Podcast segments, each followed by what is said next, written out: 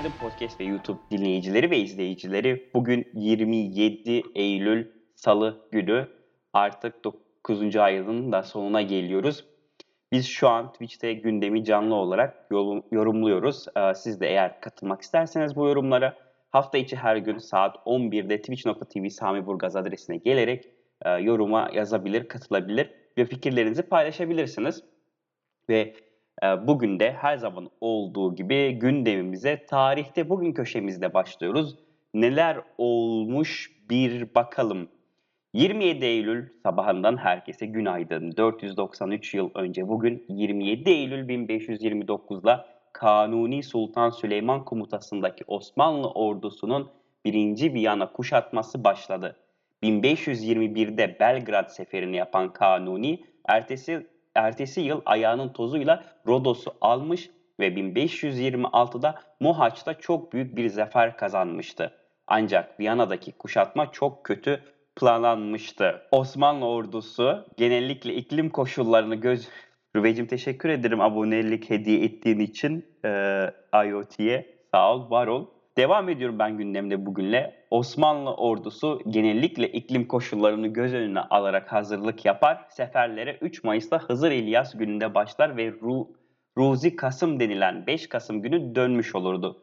Bu tarih aşılırsa askerler de atlar da açlık ve soğuktan kırılırdı. 1529 seferinde Kanuni'nin 50 Eylül'de bu dini teslim aldıktan sonra geri dönmesi gerekirdi. Ne var ki Macarların kutsal tacı Viyana'ya kaçırılırken İzvornik Sancak Bey'i Bali Bey tarafından ele geçirilmiş ve 14 Eylül'de Zapolya'nın başına konmuştu.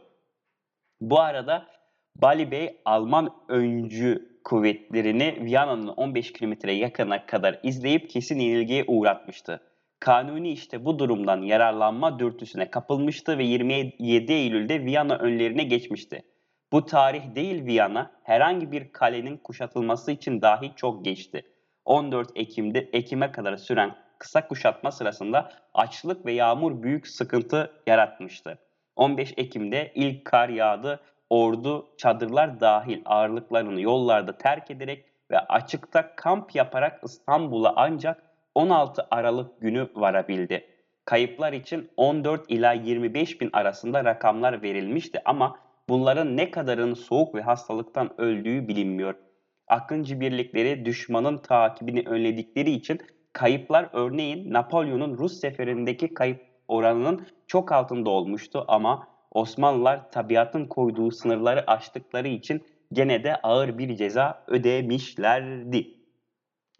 Evet gündem köşemiz böyleydi. Tekrardan Rüvecim abonelik hediyen için IoT 61'e teşekkür ederim. Dedem hoş geldin. Ya, hoş geldiniz yeni çete katılan arkadaşlar. Kaçırdığım varsa gündemi okurken tarih, daha doğrusu tarihte bugün köşemizi okurken evet birinci Viyana kuşatmasının başladığı daha sonra hezimetle sonuçlandığı gün bugün 27 Eylül 1529 tabi biliyorsunuz ki daha sonra birkaç e, denememiz daha olacak ve o denemelerde de başarısızlıkla sonuç, sonuçlanacaktı.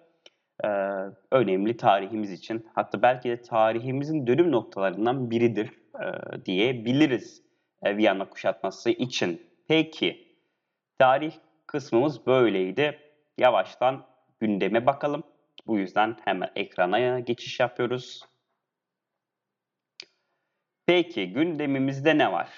Şimdi gündemimiz aslında ben manşete dünkü kabine toplantısını alacaktım. Fakat e, gece gelişen bir e, olaydan dolayı ya işte gece Mersin'de meydana gelen terör saldırısından dolayı e, manşeti değiştirdim.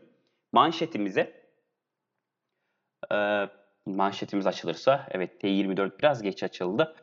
E, Mersin'de polis evine saldırıyı gerçekleştiren iki terörist etkisiz hale getirildi e, başlığıyla başlıyoruz.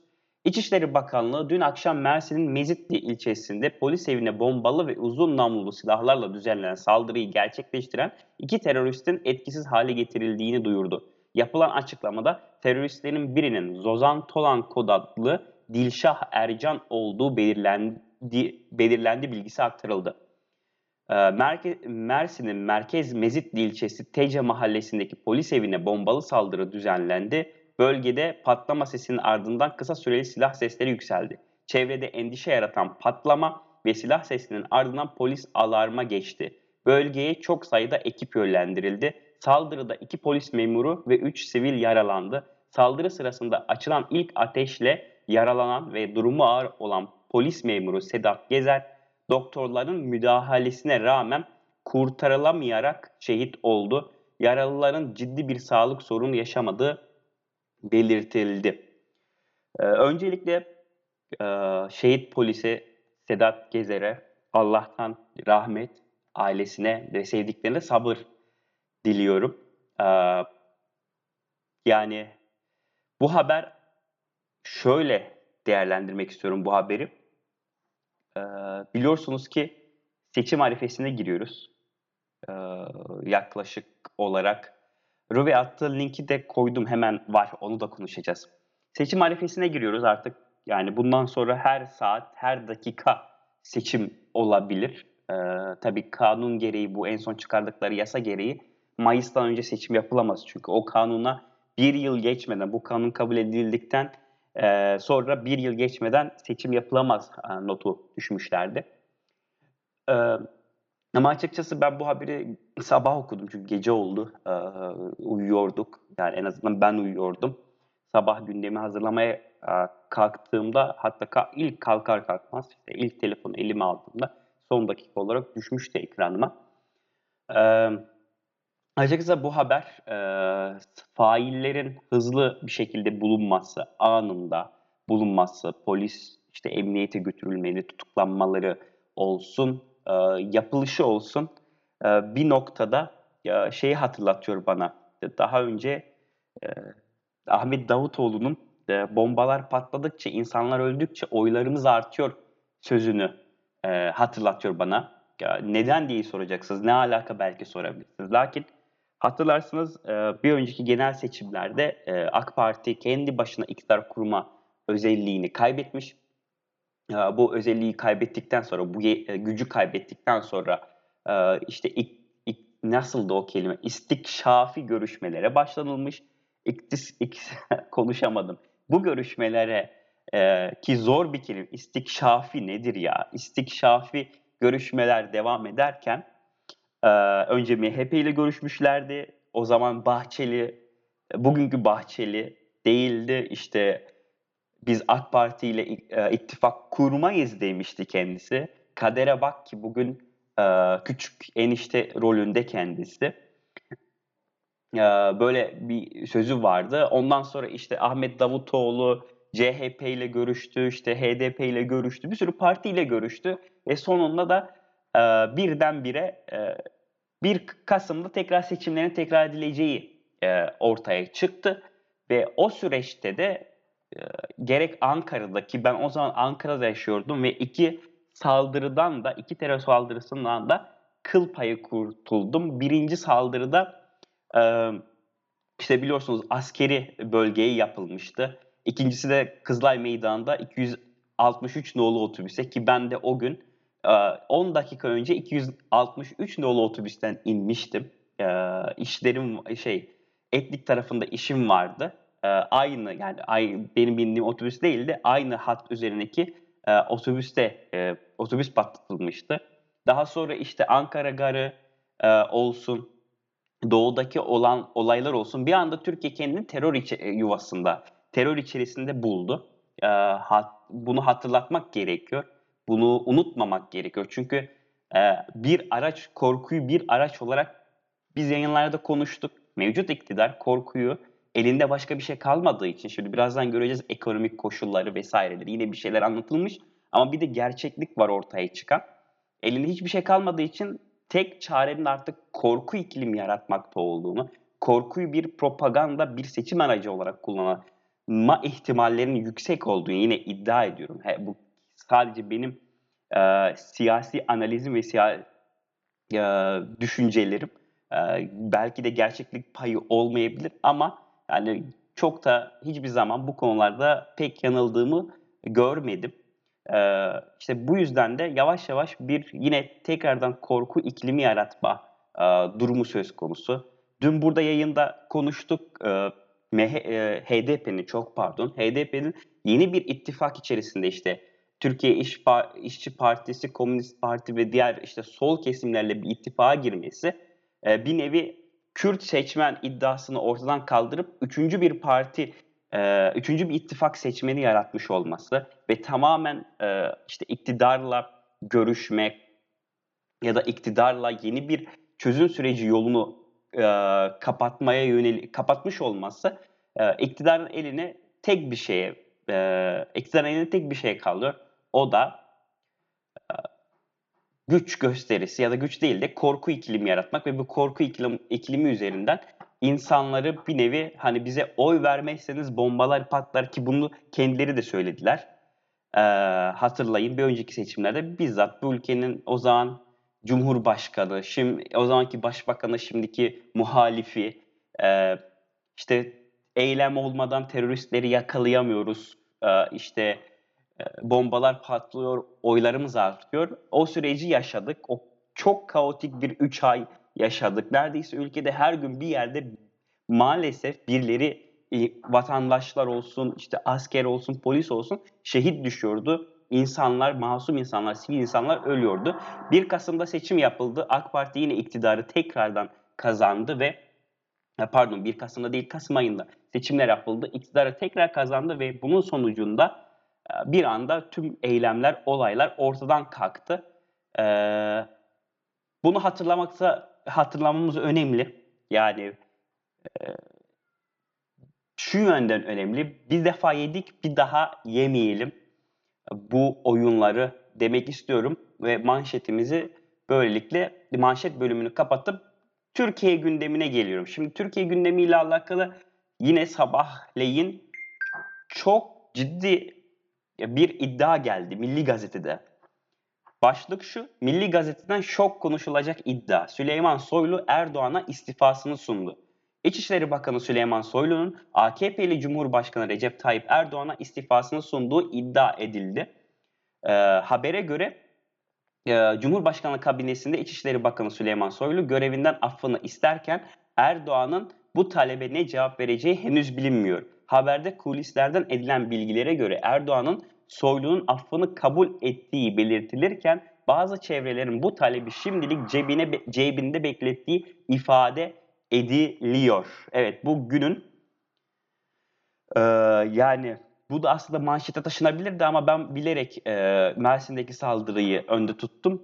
O önemli hatırlatmayı, korku iklimini tekrar bu ülkeye geri getirmeye e, yönelik e, hamlelerin olabileceğini ve bunu e, geçmişte yaşadığımızı, bu geçmişte insanlar belki yemiş olabilir ama bu sefer yememesi gerektiğini hatırlatmam gerekiyordu. E, bu yüzden ya, manşete almadım ama bu büyük bir iddia gerçekse e, muhtem böyle bir iddia varsa ve bu tabii ilerleyen günde belli olur. İşte hatta belki gün içerisinde açıklamalar gelir böyle bir şey var ya da böyle yok.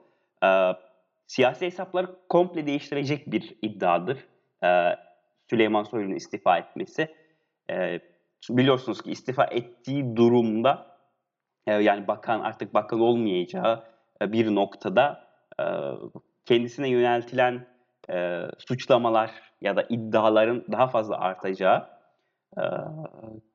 mümkün olacaktır. Sade bir vatandaş olarak ne bileyim hani kesinlikle bu ülkenin savcıları kalkıp da yarın işte ne bileyim soruşturma başlatmaz da ama o siyasi güvenlik ya da o siyasetten e, ya da işte bürokrat olma üzerinde e, olması hasebiyle e, o giydiği siyasi yelken e, ya da şey diyelim can yeleğini e, atmış olacak. Göreceğiz. E, tabii iddia olduğu için üzerine çok spekülatif konuşmak istemiyorum. E, kulis haberleri bazen e, boş çıkabiliyor, bazen doğru çıkabiliyor. Hani bunun e, artçı etkili, et, etkilerini yarınki yayında mutlaka konuşuruz. E, bununla alakalı. Bakayım chatte ne, ne dönmüş? Ne diyor chat peki bu konuyla alakalı? Her geçen gün daha kötü olacak gündem. Öyle ben de öyle hissediyorum Ruve. Son 3 senede ikinci istifası mı bu? Aynen. Bu ikinci oluyor. Eğer öyle bir şey varsa e, görevinden tabii istifa demeyelim. Görevinden affını istemiş. E, biliyorsunuz istifa diye bir şey yok. Bizde herkes görevinden affını istiyor. Görevinden affı edildikten sonra da açıklama yapıyorlar. İşte Sayın Cumhurbaşkanımıza görevin, görevden beni affettiği için müteşekkirim, teşekkür ederim.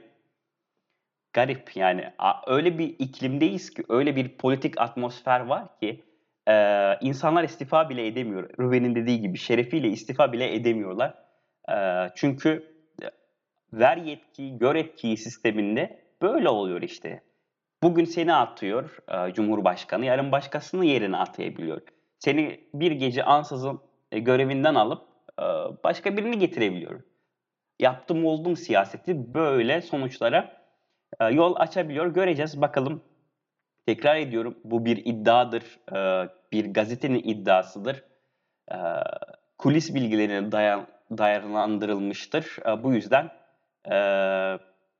yani kesin bir şey söyleyemeyiz. Hatta şurada şey denmiş işte Faruk Çelik'le görüşmüşler. İşte onu tekrar bakan, onu İçişleri Bakanlığı yapma durumları söz konusu vardır. Göreceğiz. Gün içerisinde gelişmeler olacaktır muhakkak bu konuyla alakalı. Peki şimdi asıl gece yatmadan önce manşet olan fakat bu son iki gelişmeyle üçüncü sıraya düşen haberimiz. Biliyorsunuz dün kabine toplantısı vardı kabine toplantısında konuşan Cumhurbaşkanı ve aynı zamanda AK Parti Genel Başkanı Recep Tayyip Erdoğan'ın bir takım açıklamaları oldu. Yine e, şeyle başladı. Biliyorsunuz ilk evim, ilk yerim, iş yerim projesinde 25 Ekim'de temel atılacakmış e, bu kampanyanın ilk temelleri.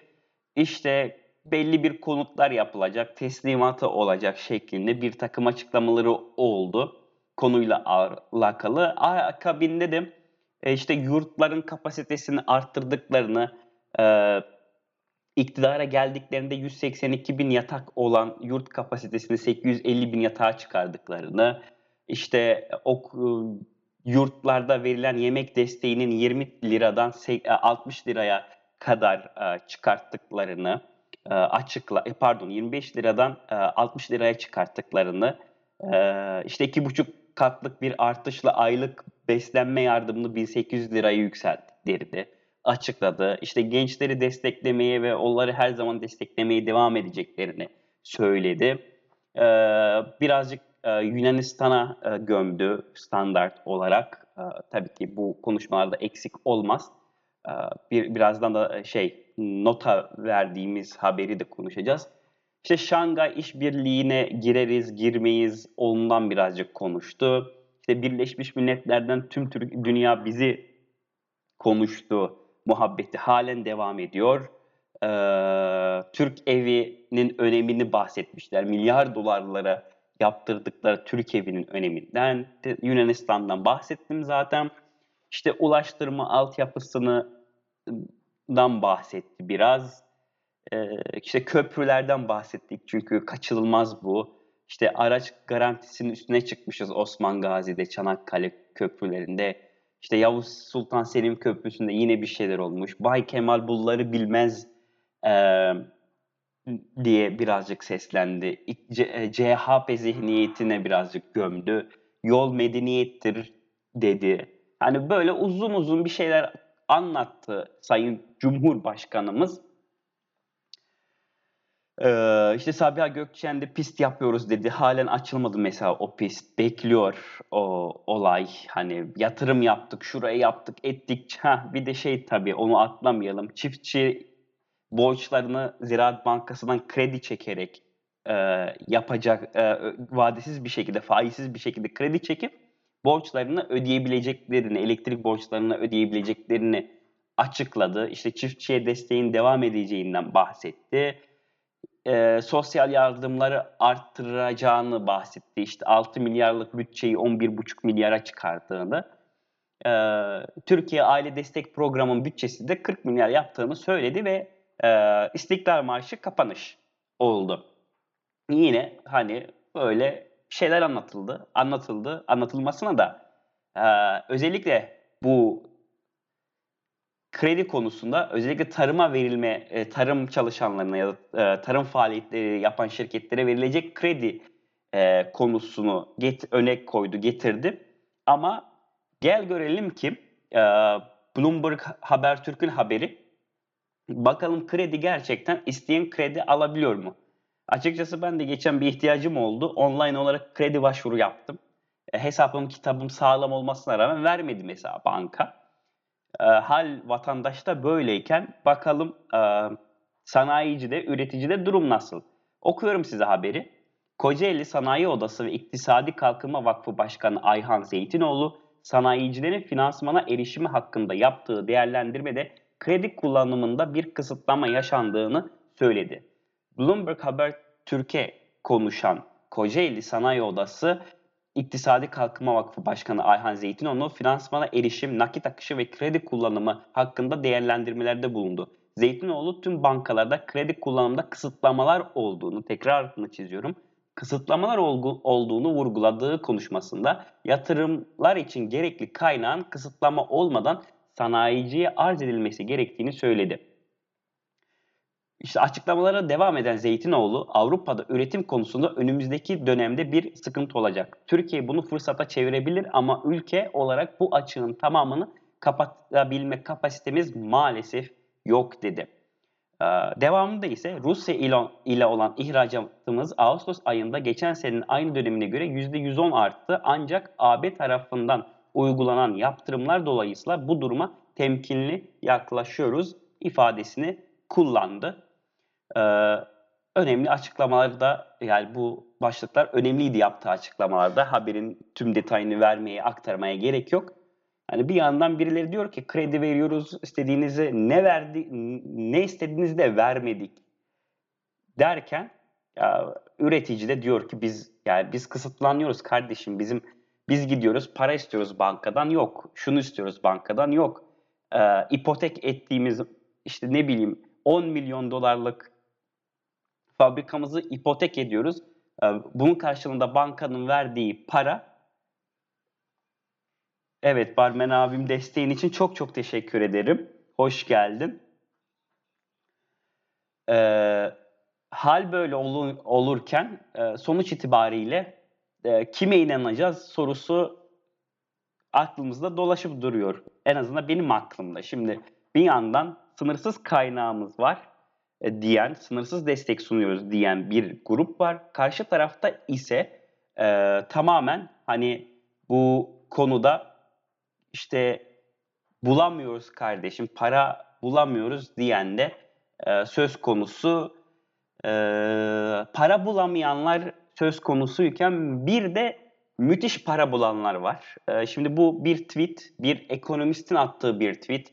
E, tabii YouTube'dan izleyenler bunu daha sonra görecek. E, ama mesela podcast'ten dinleyenler e, ne olduğunu tam anlamaları için videoya bakmaları gerekiyor. Emrah Lafçı. Kimmiş kendisi? Mülkiye, University of Amsterdam, MBA, CPA, Master of Finance, Economist, köşe yazarı, Dünya Gazetesi'nde köşe yazarı. Attığı tweet şu. Kabine toplantısı bittiği gibi piyasaya bankalara başta olmak üzere ciddi bir alım geldi. Bakalım bizim bilmediğimiz ama belki birileri belli ki birilerinin bildiği ne kararlar alınmış. Tablo da bu arkadaşlar. Burada kabine toplantısı bitiyor, piyasada alım başlıyor. Kim alıyor, neyi alıyor, niye alıyor, neden kabine toplantısı sonrası e, hemen e, toplantı bittiği anda, açıklamalar başlandığı anda böyle alımlar yapıyor bilmiyoruz. Bilebilecek miyiz sanmıyorum. Sorduğunda çünkü ya vatan haini ilan ediliyorsun ya e, hakkında dava açılıyor, soruşturma açılıyor. Ya bu ülkede ülkenin en iyi ekonomistleri hakkında ülkenin ekonomisini kötü gösterdikleri için dava açıldı ve dava süreci devam ediyor. Yani öyle bir noktadayız. Ee, ama sorsan kaynak var. Herkese açık kaynak. Herkes istediği gibi kullanabilir bu devletin sağladığı kaynakları diye açıklamaları devam ediyorlar. Bu tablo çok şey ifade ediyor. Bu tweet çok şey ifade ediyor. Bildiğiniz üzere geçtiğimiz günlerde borsada yaşanan e, manipülasyonlar, borsanın yönetim kurulunda olup aynı zamanda borsada şirketi olan AK, AK Partili yöneticiler, bu yöneticilerin şirketlerin bir yılda borsada %220 değer kazanmaları. Sonra sorsan ki nas mas elhamdülillah Müslümanız. O kadar elhamdülillah Müslümanız ki o kadar yani o kadar iyi Müslümanız ki Türkiye OECD'de gelir eşitsizliğin en yüksek olduğu dördüncü ülke. Çünkü elhamdülillah Müslümanız. Okuyalım haberi. Türkiye Ekonomi İşbirliği ve Kalkınma Örgütü'nün 37 üyesi arasında gelir dağılımı adaletsizliğin en yüksek olduğu dördüncü ülke. Avrupa Birliği ülkeleri içinde ise gelir eşitsizliğine Türkiye'den daha kötü durumda olan tek ülke Bulgaristan. Türkiye İstatistik Kurumu verilerine göre Türkiye'de halkın %40'ı gelirin sadece %16.5'ini alıyor. En zengin %20'lik grup ise gelirin %47.5'ini alıyor.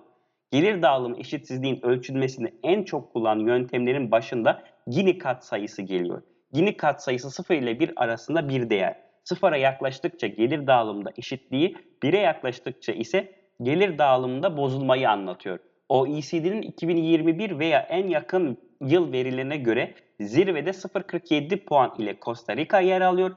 Ardından Şili 0.46 ve Meksika 0.42 geliyor. Dördüncü sıra ise Türkiye'nin 2018 yılındaki Gini katsayısı 0.397. Müthiş. Mükemmel. Kim var bizim arkamızda sonra? Yani lig iyi bu arada. Kapıştığımız lig. İngiltere ve AB de var arkamızda. Güzel. Ee, en az peki gelir adaletsizliği nerede yaşanıyor? Slovakya ve Slovenya'da. Gini kayıt sayısına göre gelir adaletsizliğin en düşük olduğu ülkeler Slovakya ve Slovenya. Diğer bazı ülkeler ise İtalya, İspanya, Yunanistan, Fransa, Almanya ve Çekya. Müthiş. Mükemmel. Biz burada nasıl dördüncüyüz halen onu anlamıyorum. Acilen birinci olmamız lazım. Çok acil bir şekilde. Ee, biliyorsunuz biz bu, bu tarz şeylerde enflasyon tablosu olsun, gelir adaletsizliği olsun, eşitsizlikler olsun, insan hakları olsun, e, işte e, devlette ya da bürokraside rüşvet olsun bu tarz tablolarda birinciliği e, açık ara önde tutuyoruz ve hiçbir şekilde başkalarına devretmiyoruz. Bu tablo içinde çok hızlı bir şekilde e, ilgili şahıs, kişi ve kurumlardan çalışma bekliyorum. E, birinci olmamız lazım bir sonraki e, raporda. Lütfen. E, yakışmıyor bizim gibi bir ülkeye. Bir yandan da OECD bizim ülkemizin e, büyüme tahminini de yükseltmiş. Onu da okuyalım.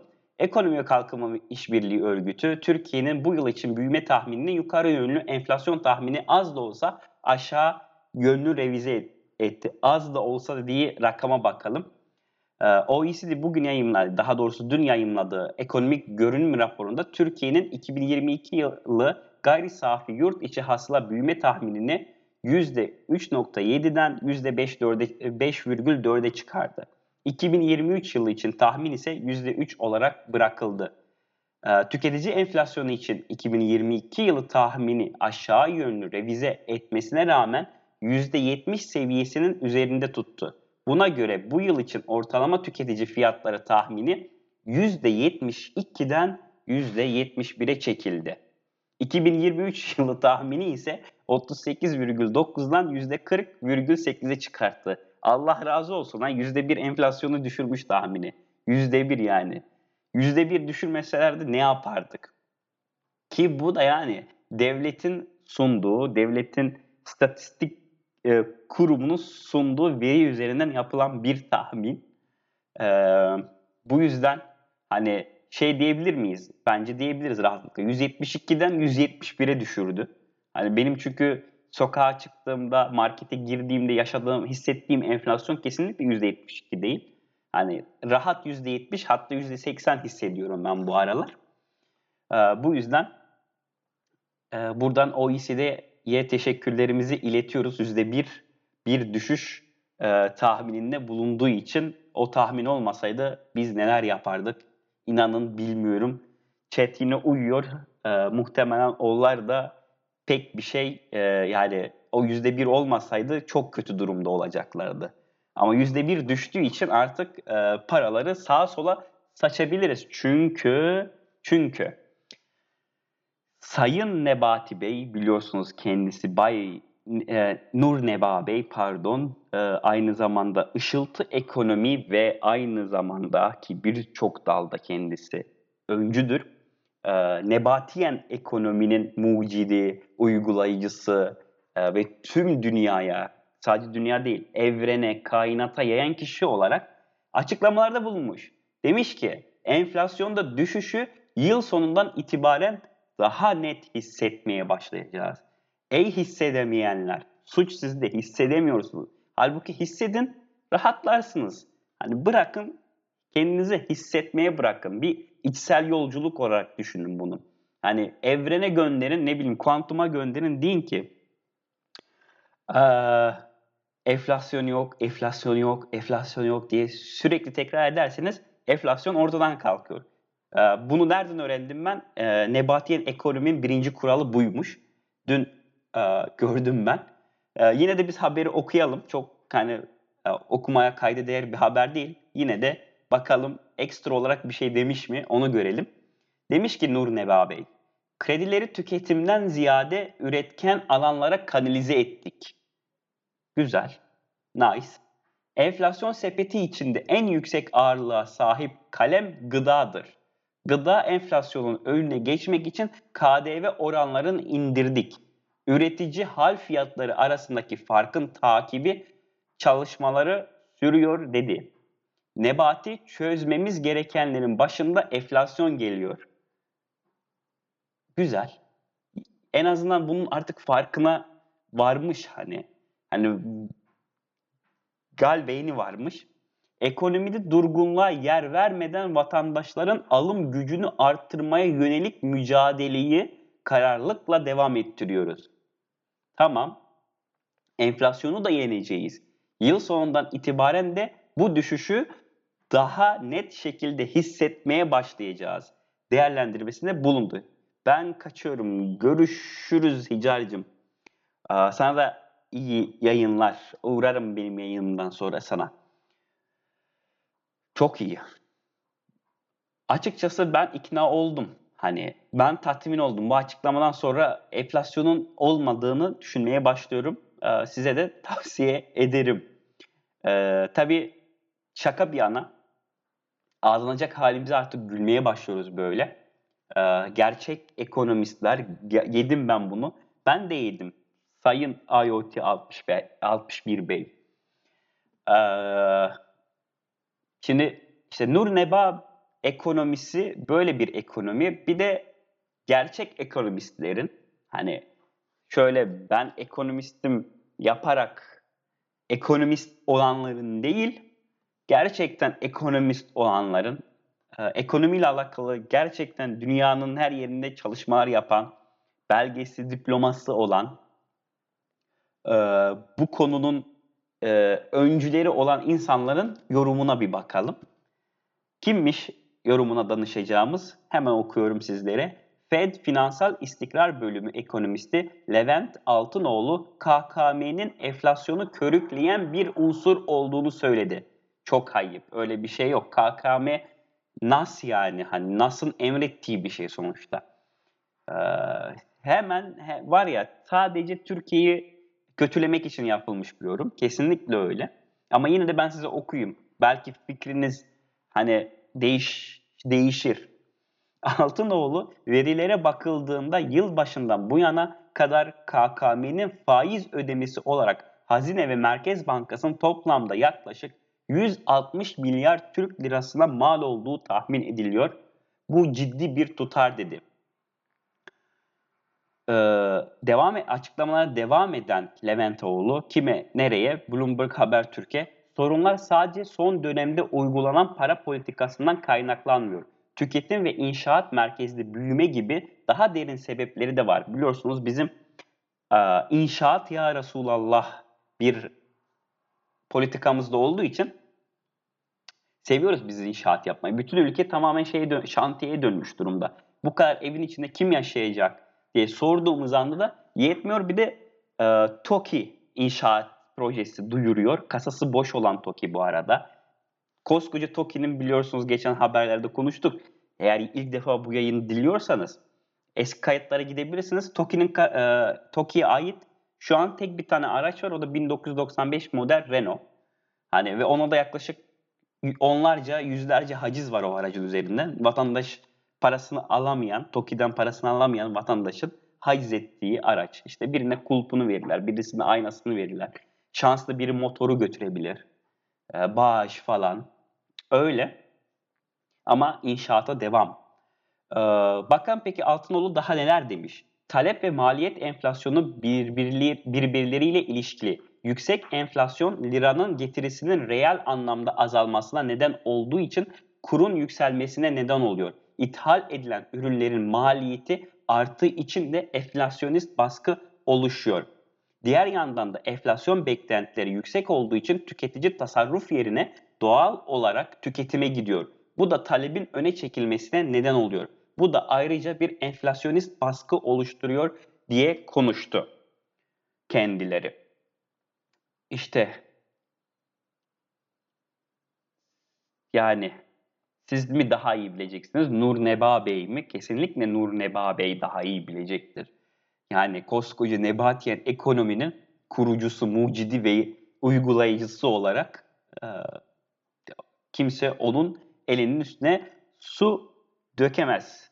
E, tabii cahil cahil konuşmuş e, beyefendi. Tekrar ismini anmak da önemli. E, Fed Finansal İstikrar Bölümü ekonomisti Levent Altınoğlu. Fed Finansal İstikrar Bölümü ekonomisti. Amerika uşağı işte Fed'de çalışıyor. Tabii böyle böyle konuşacak. Neyse buraya kinaye diye bir not da düşelim de dem şimdi yayının başlığı başka yere çekilmesin. Ee, peki bir açıklama daha da Uluslararası Finans Enstitüsü'nden e, geldi. Neymiş bu açıklama? Uluslararası Finans Enstitüsü baş ekonomisti Robin Brooks Twitter hesabından yaptığı açıklamada Türk lirası için adil değeri cari açıkla yaşayan e, yaşanan kesin artışın etkisiyle yukarı yönlü güncellediklerini duyurdu. İIIF yani Uluslararası Finans Enstitüsü adil değeri 16,5 seviyesinden 21'e yükseltti. Bu arada arkadaşlar bu artık norm. Yani gelecek yıl biz doları 21 olarak kabul etmeye başladık. Cumhurbaşkanlığı yatırım kararnamesinde de doları ortalama 21,5 Türk lirasından hesaplanmasının e, not edildiğini zaten burada konuştuk. E, bakıyoruz yıl sonu anketlerinde yine doların 20'ye yakın 19,5 yani bu yıl sonu dolar tahmini 19,5 gelecek sene 21 2024'te 25'te 25 dolara kadar çıktığını görüyoruz anketlerde. Yeni norm bu. Yani 21 e, dolar bizim artık şey psikolojik seviye. Dolar demişken bakalım hemen e, dakika ve skor alalım. Dakika ve skor e, bağlanalım Amerika'ya, Fed'e. Dolar 18.48, Euro 18.80, sterlin 20, tam 20'de sterlin. Var mı başka bizim paramıza karşı artan? Bakayım hep, hepsi artmış. Mustafa geldi. Mustafa abone oldu. Teşekkür ederim Mustafa. Kesene bereket aboneliğin için. Ee, hoş geldin. Aleyküm selam. Yani artık standartımız psikolojik sınır diyorlar ya dolarda. Standartımız 21. Devletin kurumları bunu kabul etmiş, Merkez Bankası bunu kabul etmiş, Cumhurbaşkanlığı Yatırım Ofisi bunu kabul etmiş. Ee, olan vatandaşı oldu. 21 dolar 21 ise sterlin Allah bilir kaç olacak. Euro euro düşüyor. Biliyorsunuz Avrupa Birliği'nde bir resesyon söz konusu idi. Ee, artık e, orada da euro hem dolar karşısında da para kaybediyor. Ee, bu yüzden e, orada çok bir şey yorum yapamayacağım euroya. Bunun başlığını atmamışım. Evet bir yandan para yok. Vatandaşın harcayacağı para yok. Ama e, biliyorsunuz bizim ülkemizde e, hesaplamaları çok müthiş yapıyoruz biz. Mesela bir havalimanı yapıyoruz. Ee, yanılma payı %99. Kütahya Havalimanı'dan bahsediyorum. Yanılma payı %99. Hani bak %1 yay- yay- e, yanılırsın, %5 yanılırsın. Hadi %10 yanıl da %99 nedir?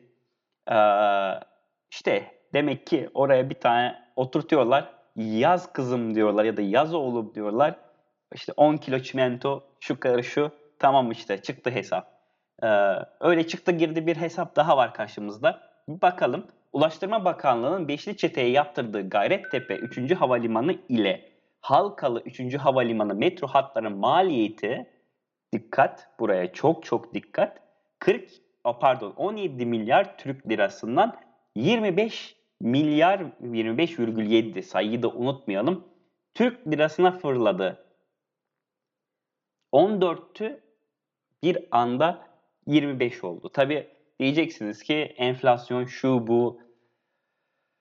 Ee, peki iktisadın birinci temellerinden biri. Ben iktisat görmedim ama ya, okuduğum bölüm gereği makro, ya iktisat okumadım daha doğrusu iktisat illaki gördüm. Makro, mikro, uluslararası iktisat, e, uluslararası ticaret, e, ekonomi, politik derslerinin hepsini burada notlarını da gösteririm. İşte en düşüğü BB ile geçtim. B, BA, AA yani makro, mik, mikroyu AA ile uluslararası iktisadı da AA ile geçtim. Ha, iktisatçı olduğumu iddia etmiyorum. Hatta iktisat bölümü okuyacağım ben açıktan bu sene başlayacağım. Ee, ama öngörü diye bir şey var. Hani bir hesap yaparsa dersin ki 20 yıl metro yapacağız. 20 yıllık bir metro yapacağımız için işte 20 yıl sürecek. Burada maliyet artışı şu bu olacak gibi bir hesap yaparsın. Ee, anlaşılan yapmamışlar. İyi. Kim ödeyecek peki bu paraları? Ee, tabii ki sevgili vatandaş bizler ödeyeceğiz. Çünkü seviyoruz ya biz ödemeyi. Olsun ne olacak ya? Ee, ülkemize feda olsun. Devam ediyorum. Başka neler var gündemimizde, Türkiye gündeminde?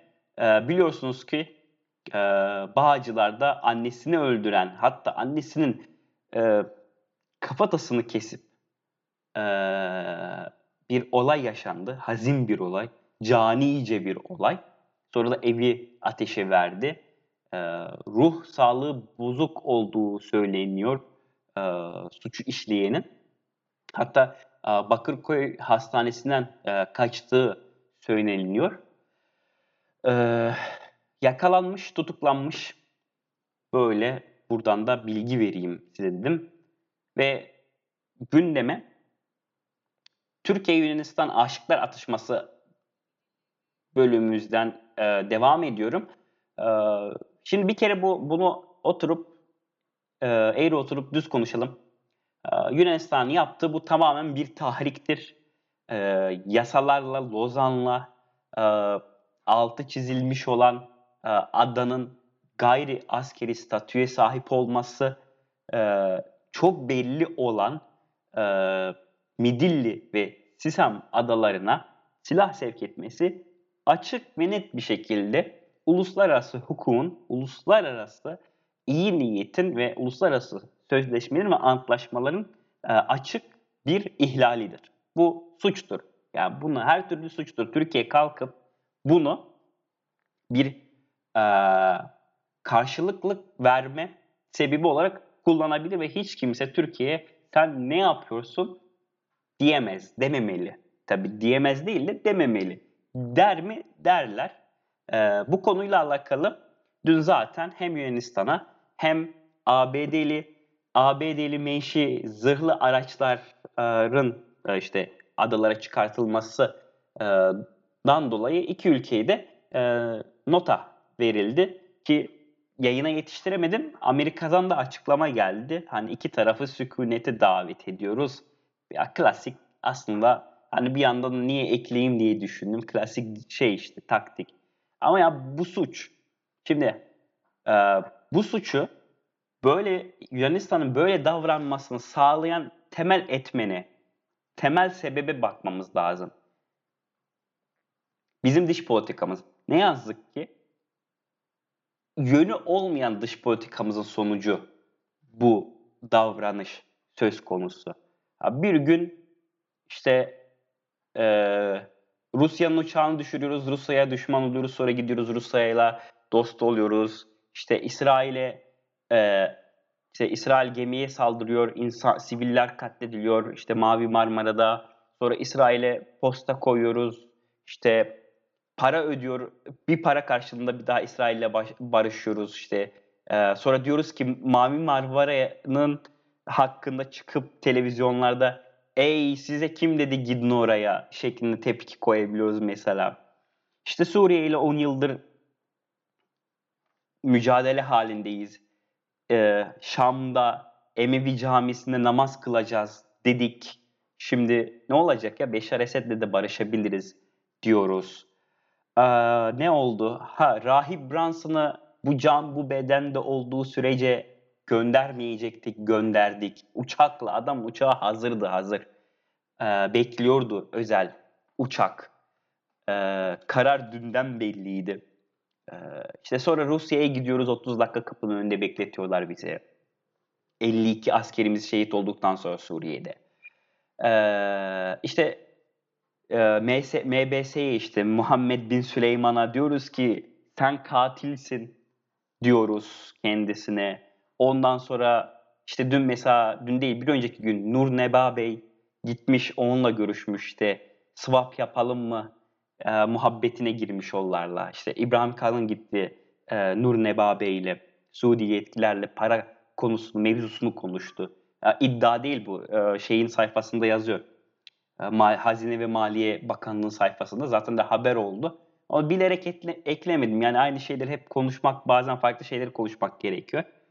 Ee, işte bu politikayı böyle yürütürsen işte Birleşik Arap Emirlikleri'ne posta koyduk.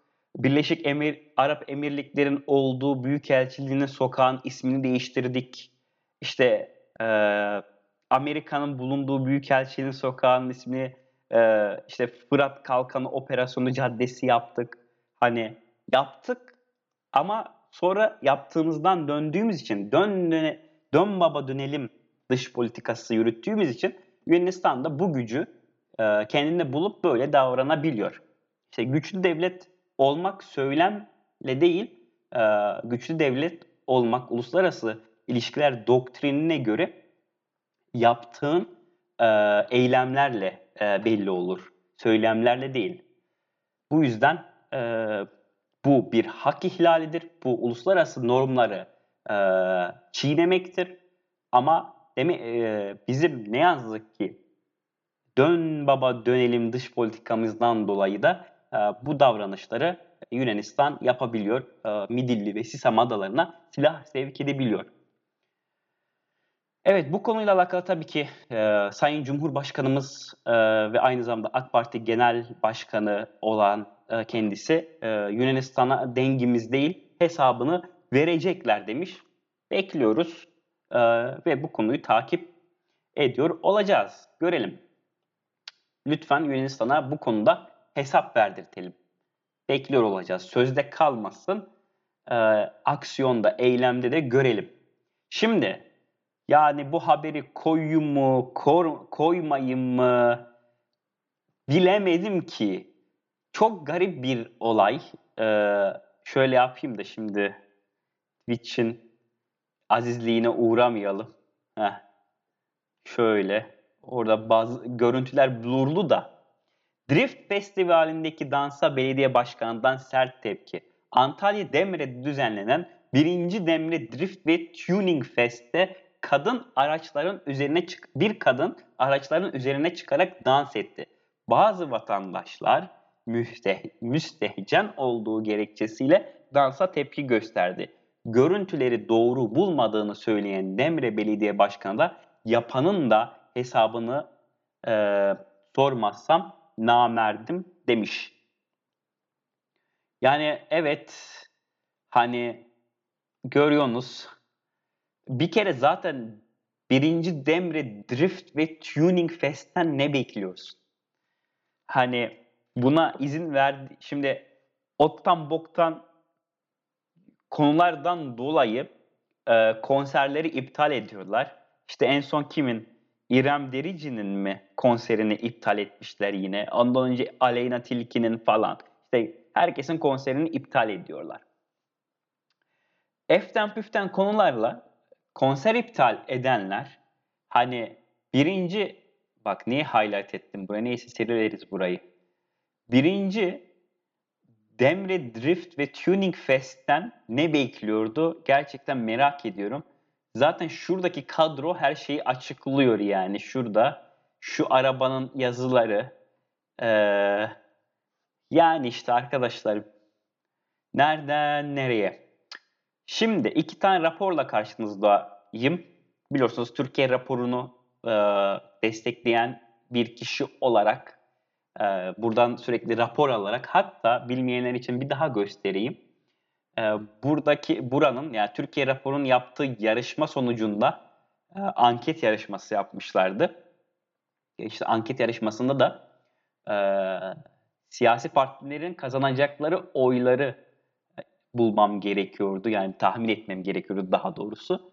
Doğru tahmin etmişiz. Kimse bizim siyasi de e, anal, analizimizi, analiz değil, analizimizi sorgulamazsın. E, onlardan 3 aylık bir hediye kazandık. Ki ben zaten üyeydim. Üyeliğimi iptal ettim. 3 aylık hediye var sonuçta. Niye boşu boşuna para verelim ki? 3 ay sonra bir daha başlatırız aboneliğimizi. Şimdi peki bu rapor ne ile alakalı? Bu e, Türkiye Cumhuriyeti Devlet Demir Yolları'nın e, yayınladığı istatistik yıllığından e, derlenmiş bir rapor. Bakalım e, neler olmuş? Okuyorum hemen sizlere önemli kısımları. Türkiye Cumhuriyeti Devlet Demir Yolları'nın çalışanlarına baktığımız zaman personeller arasında en fazla paya sahip olanlar sözleşmeli personeller. 2017 yılından beri verilere bakıldığında sözleşmeli personel hep birinci sırada. İkinci sırada ise daimi işçiler geliyor. Cinsiyete göre personelle ilgili veriler ise bir hayli şaşırtıcı. TCDD personelinin %65'i erkekken sadece %5'i kadın. Personel yaş aralığına bakıldığında memurların daha çok 50-59 yaş aralığında olduğu görülüyor. Memurların en az olduğu yaş aralığı ise, ise 30 ve 6. Sözleşmeli personelinin en çok bulunduğu yaş grubu ise 40-49 şeklinde e, yapılmış. Ha niye burası şaşırtıcı? Bu devlet demir yolları ile alakalı zaten hep konuşuluyor. Geçenlerde de zaten e, daha doğrusu ben YouTube yani Twitch'e yayına başlamıştım ama böyle yayınlar e, yapmaya başlamamışken e, gündeme gelmişti işte Siemens'i dolandırmaya çalışmış TCD'de. Öyle öyle bir kendine güç görmüş. Ayrıca TCD'de e, işte sözleşme olarak göreve girip 3 yılda müdür olanlar, işte 2 yılda daire başkanı olanlar, bir gün gazetesi olsun, Cumhuriyet gazetesinde olsun zaten ufak bir arşiv taramasıyla tüm bu haberlere ulaşabilirsiniz. Ee, o yüzden e, bu raporu burada e, dipnot bir şekilde sizinle paylaşmak istedim. Peki hat uzunluğuna bakalım. Ee, ne olmuş? Hani diyorlar ya, ya biz yol medeniyettir e, şekliyle hareket ediyorlar. Ne olmuş bir bakalım. Hat uzunluğuna ilişkin veriler de raporda yer alıyor. Buna göre 2017 yılında 12.680 kilometre olan hat uzunluğu 2021 bir yılı itibariyle 13.022'ye çıkmış durumda. Demiryolu uzunluklarının illere göre dağılıma bakıldığında Ankara birinci sıradayken Konya ikinci sırada, üçüncü sırada ise Eskişehir bulunuyor. Konvansiyel hatlar yani yüksek hızlı demir yolu hatları dışında kalan hatlar ve rayların yaşlarına da raporda yer verilmiş. 0-10 yaşındaki rayların toplamı %61'i oluşturuyor. 11-20 yaş aralığındaki rayların oranı %21 iken 30 yaş ve üzeri rayların oranı sadece %7. Yüksek hızlı trenlerde ise 0-10 yaşındaki ray oranları %63 e, durumunda yani bir yılda ne kadar demir yolu yapmış ise 12.608 13.022 e, ekle çıkar 400 kilometre yani iki pardon 2017'den 2021 yılına kadar yapa yapa 400 kilometrelik hat yapmışız. Hani bu. Bu kadar. Bu kadardı. 400 kilometre. Sorsan her gün yol yapıyoruz. Her gün tren hattı açıyoruz. Her yere tren götürdük. Bir diğer rapor ise e, sizinle paylaşmak istedim. Yine Türkiye raporundan çıkan e, bir rapor. E, bu çok önemli. Bu geleceğimizle alakalı. Bizden sonraki yetişen neslin ve bizden sonraki e, neslin durumuyla alakalı. Okuyorum hemen size önemli kısmını. 2022-23 öğretim yılı 12 Eylül pazartesi günü okullarda çalan ilk zil sesiyle birlikte başladı. 2019 19, e, 2000, e, pardon Covid-19 salgından sonra yeniden yüz yüze eğitime geçilmesiyle pandeminin öğrencilerin derslerine adapte olmasındaki olumsuz etki sıkça konuşuluyor. Uzaktan eğitimden hibrit eğitime geçildiği zaman eğitimini sürdürerek teknolojik araçlara sahip olmayan çocukların birçoğu eğitim hayatlarına ara vermek ve veya eğitimini tamamen sonlandırmak zorunda kalmıştı. Birçok eğitimci ve pedagogun yani yanı sıra eğitim sendikaları da pandemi öğrencilerinin eğitim hakkının ihlal edilmesinin kamuoyunun gündemine sık sık taşıyor. Bakalım tablolara. Türkiye'de bu arada Hoki hoş geldin. Ee, yaş grubu 5 yaş grubu e, hani nüfus e, oranına baktığımızda anaokula e, kaydı olmayanların işte 1.3 milyon 5 yaş grubu söz konusu. Okullaşma oranı %83, kayıt olmayan öğrenci sayısı da yuvarlarsak 220 bin. 6-9 yaş grubunda ise 5.3 milyon söz konusu yaş grubu nüfusu. Düzeltilmiş net okullaşma oranı %95 ve 222 e, bin e, öğrenci kayıt, kayıt olmamış. İşte aynı zamanda 10-13 yaş arasında 235 bin e, ve 14-17 yani ergenlik yaşına yaklaşmış öğrencilerde ise kayıt olmama, okula kayda olmama oranı daha doğrusu miktarı 523 bin hatta 524 bin diyebiliriz. Toplamda ise 1.2 milyon öğrenci ya öğrenim çağında olan, okuma çağında olan öğrenci okullara kaydedilmemiş görünüyor. Devam ediyorum raporun önemli detaylarını size okumaya. MEB'in açıkladığı verilere göre Türkiye'de geçen eğitim öğretim döneminde okul öncesi eğitim ilk orta e, ilk öğretim ve orta öğretim, öğretim düzeyinde 19 milyon 155 bin 571 öğrenci örgün eğitim aldı. Cinsiyet dağılımına baktığımız zaman öğrencilerin 9 milyon 928 bin 304'ü erkek, 9 milyon 227 bin 267'si ise kız. Öğrencilerden 15 milyon 839 bin 140 resmi, 1 milyon 587 bin 233'ü özel ve 1 milyon 738 bin 198 ise açık öğretim kurumlarında eğitim gördü açıklamasında bulunmuş ya daha doğrusu raporda bulunduğu açıklama e, Milli Eğitim Bakanlığı'nın. Devam ediyorum. Ee, son olarak son iki haberimize geldik. Biliyorsunuz Tanju Özcan kendisi Bolu Belediye Başkanı. Garip bir adam. Açıklamaları garip. Ya garip değil, açıklamaları boş. İşte kadınlar hakkında yaptığı iğrenç açıklamalar var.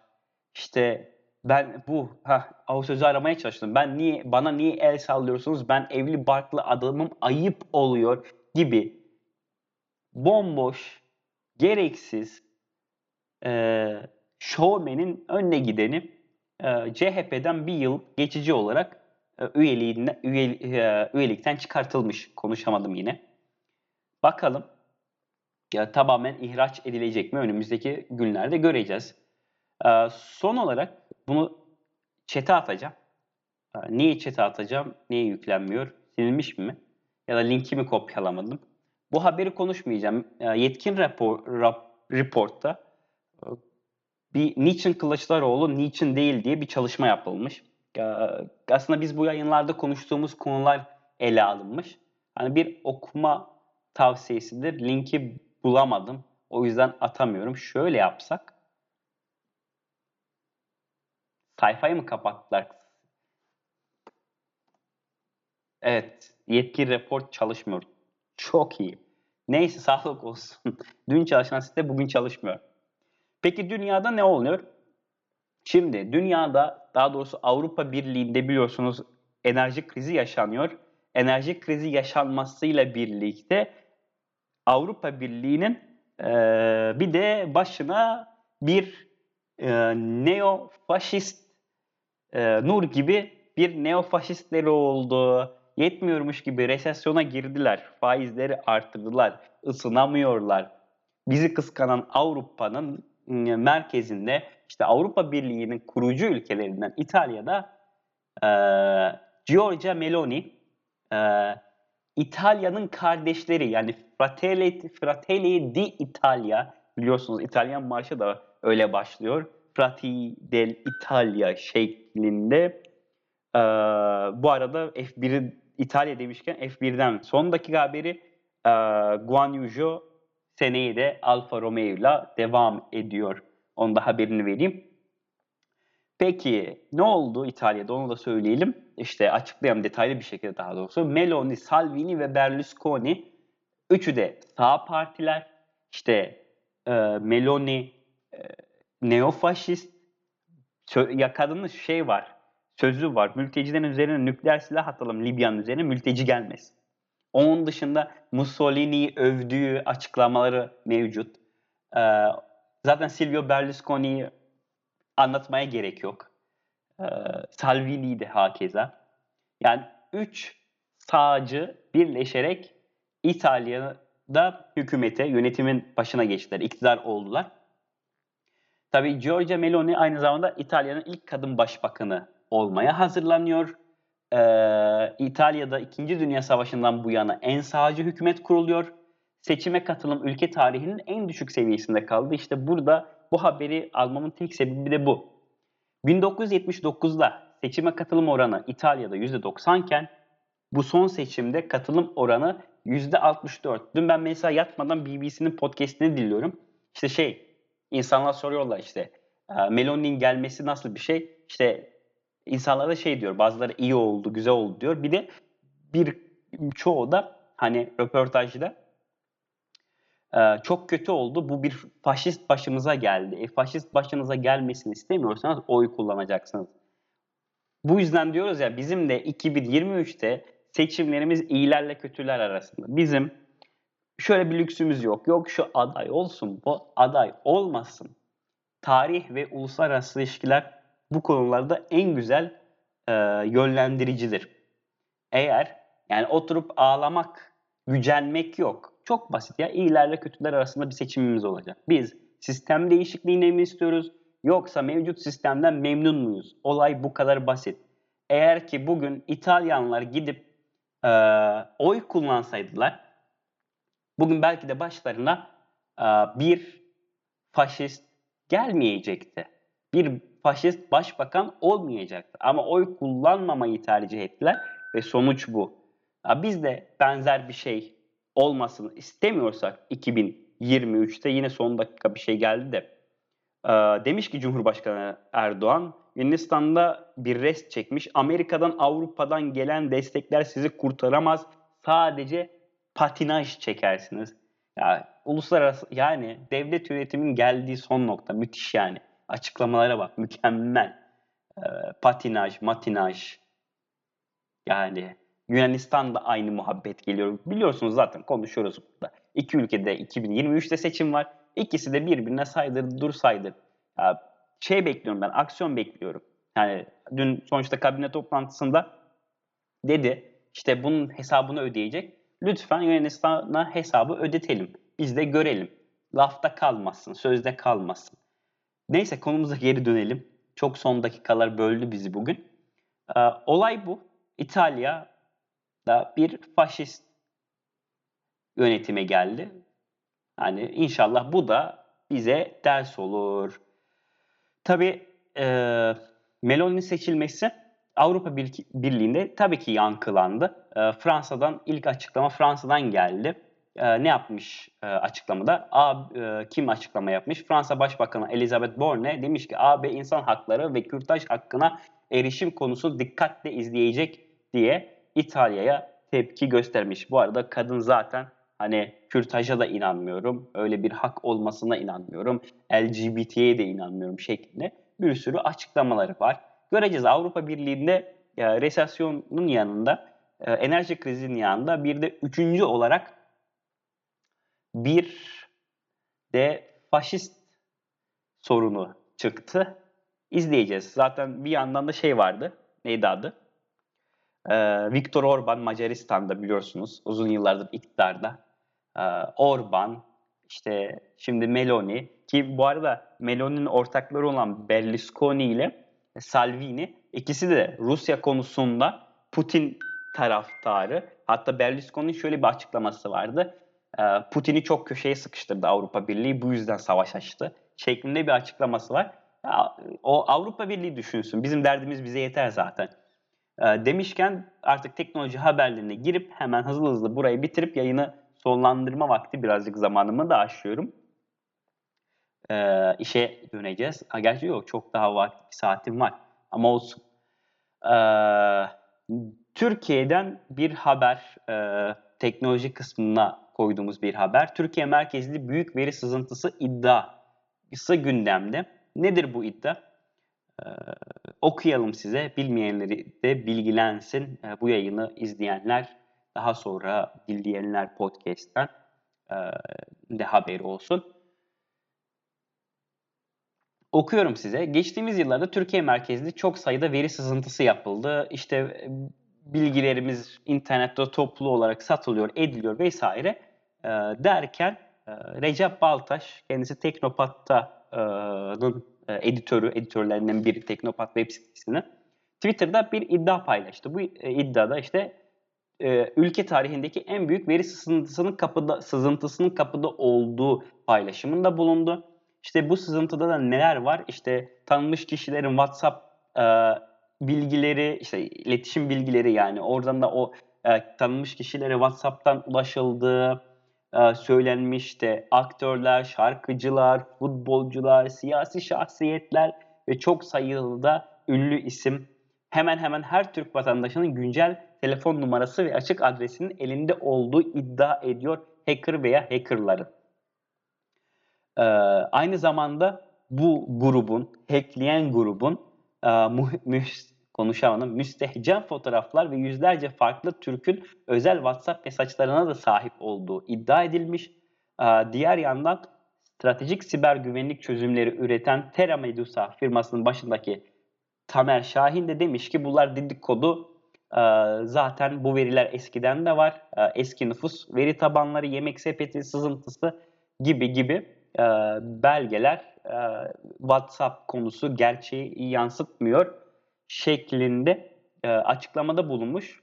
Bir diğer ilginçlik ise internette 400-500 pardon 452 GB'lık bir Türkiye aile verisi datası internette bir web sitesinde hackerların işte daha doğrusu nasıl dark web'te bir web siteye 452 GB'lık Türkiye aile verisi veri tabanı satışa sunulmuş.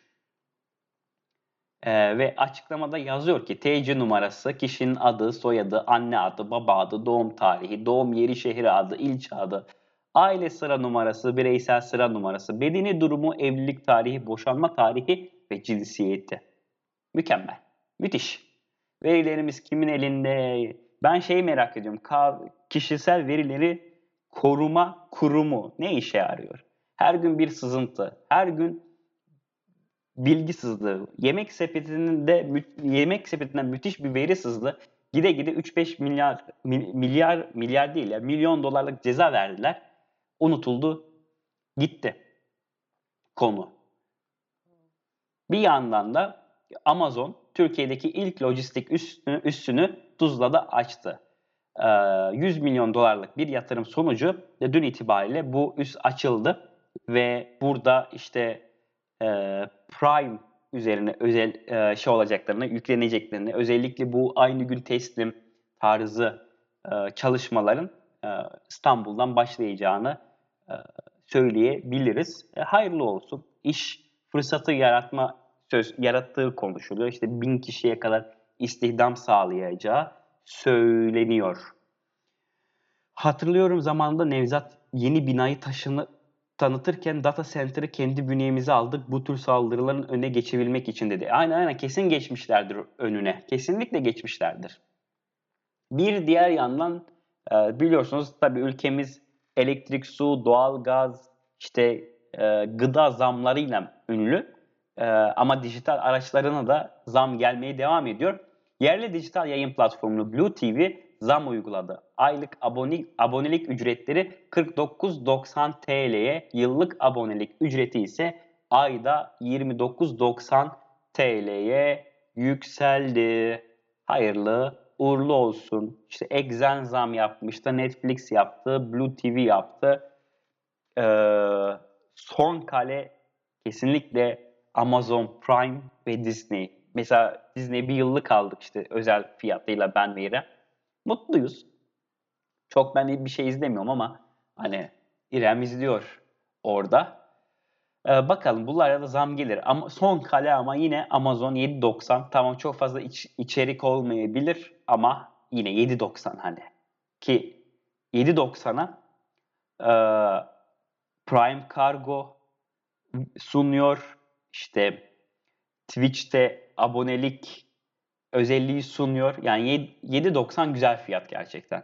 Ki buna da şimdi lojistik merkezi açılmasıyla birlikte buna ek şeyler gelebilir. Tabi her yere değil ama İstanbul, Kocaeli bu Körfez bölgesinde o Prime özelliğine mutlaka Amerika'daki gibi e, yeni eklentiler işte aynı gün teslimler vesaireler gelecek. Reklamlar bittiğine göre TOG'un reklamını yapalım biz birazcık. TOG'un hangi OTV diliminde, ÖTV diliminde yer alacağı açıklandı. Anadolu Grubu Yönetim Kurulu Başkanı Tuncay Özilhan verdiği bir röportajda TOG ile ilgili %10 ÖTV diliminin içinde kesin kalıyoruz açıklamasında bulunmuş. Ee, ne zaman satılacakmış? Ee, pardon.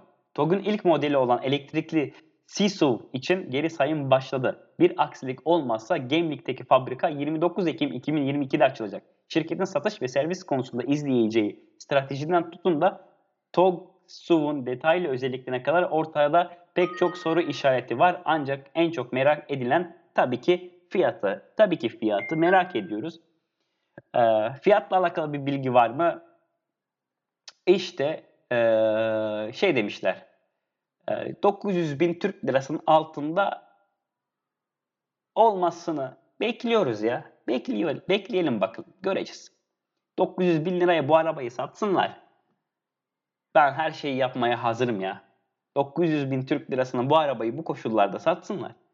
Ben okeyim ya. Ben chat ne istiyorsanız bana yapın yani. Kabulüm. Evet. Dünyada peki ne olur? Bilim dünyasında ne olur? Ee, Amerikan Havai, Havacılık ve Uzay Dairesi NASA DART misyonu kapsamında fırlattığı uzay aracı Dimorphos'u Dimorphos adlı bir asteroide tam isabetli çarptı biliyorsunuz.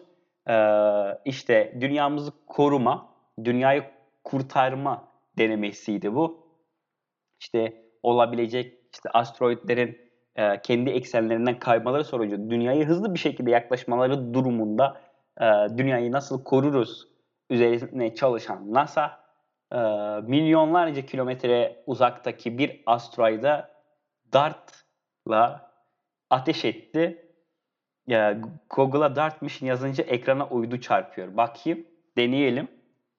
DART Mission. Çarpmadı. Ha geldi. Evet. Çok iyi yapmışlar bunu. Müthiş. Google yine doodle'larıyla. Denemeyen varsa Google'a Dart Mission yazın. Hemen ekranınıza bir e, uydu çarpsın. Güzel. Yine e, insanlık için büyük bir adım. Ama evrende küçük bir adım. E, güzel bir gelişme. Tabii ki de müthiş bir gelişme. İşte keşke biz de insan böyle gıptayla bakıyor uzaktan. Ya işte anlatıyorlar tabii biz uzaya gideceğiz işte e, aya sert iniş yapacağız. Uzay Türk astronotu uzaya göndereceğiz falan da. Yani yine de gıptayla bakıyoruz. Neden biz de yapmıyoruz böyle şeyler? Neden biz mesela etek boyu konuşuyoruz? Neden biz halen yıl 2022 olmuş? Ha Amerika'da ya da diğer Avrupa ülkelerinde böyle sorunlar yok mu? Irkçısı da var Amerika'da, Avrupa'da. İşte LGBT karşısı da var. Dindarı yani siyasal dindarı da var. Kendi çıkarını koruyan da var. Elbette dünyanın her yerinde bu tip insanlar var. Ama bizde farkımız onlar orada azınlıktayken ne yazık ki bizdekiler de azınlıkta olmasına rağmen sesleri o kadar yüksek çıkıyor ki ve seslerinin o kadar yüksek çıkmasına e, sindirerek alıştık ki e, gıptayla bakıyoruz böyle. Aman diyoruz. Ya keşke bizde olsa, keşke bizim olsa. Olmuyor maalesef. Çünkü daha çözmemiz gereken çok fazla konu var. Çok ama çok fazla. Belki önümüzdeki 200 yıl sonra. Ha 200 yıl sonra dünya nerede, biz nerede olacağız o bile e, bir soru işareti. Belki de dünya olmayacaktır. Şimdi birazcık kültür, iki kültür, üç kültür haberiyle daha doğrusu kapatıyoruz günü. Hatay'daki Efifhane Antik Kenti'nde yapılan kazılar çalışmalarında takvimler mozaiği tespit edildi. Hatay'ın Erzin ilçesindeki Efifeyn Antik Kenti'ndeki kazılarda kırsal aktivitenin anlatıldığı ve her ayın karşılığında personifikasyon yani kişileştirme yer aldığı takvimler mozaiği bulundu. İsos harabeleri olarak da bilinen e, antik kentte 2006'da kurtarma kazısı olarak başlayan çalışmalar devam ediyor. Bu yılki sezon kazılarında bulunan sikke ve e, mozaik gibi eserlerin yanı sıra bronz çağına çağa tarihlenen seramikler kent tarihinin 5000 yıl öncesine dayandığını ortaya koydu. Güzel, güzel. Satmayalım da sağa sola. Hani satmayak da alalım bunları bir şekilde müzeye e, şey yapalım. Ben Hataylıyım, Antakyalıyım. E, bizim mesela Antakya'da şey müzesi var. İşte e, Mozaik Müzesi. Biliyorsunuz Antakya aynı zamanda ilk aydınlatan aydınlatılmış sokağa sahip olan yani tabi Roma döneminde işte fener şeyle ateşle aydınlatıyorlar ama ilk aydınlatılan sokak Antakya'dadır. Antiyok olarak geçmiştir biliyorsunuz önemli. Yani tarihimiz için, bu bölgenin tarihi için önemli kentlerden biri. Kentimi kesinlikle övmüyorum Hataylı olarak. Yani kesinlikle övmüyorum. Son olarak size iki tane e, fragman film haberiyle gündemi sonlandırıyorum.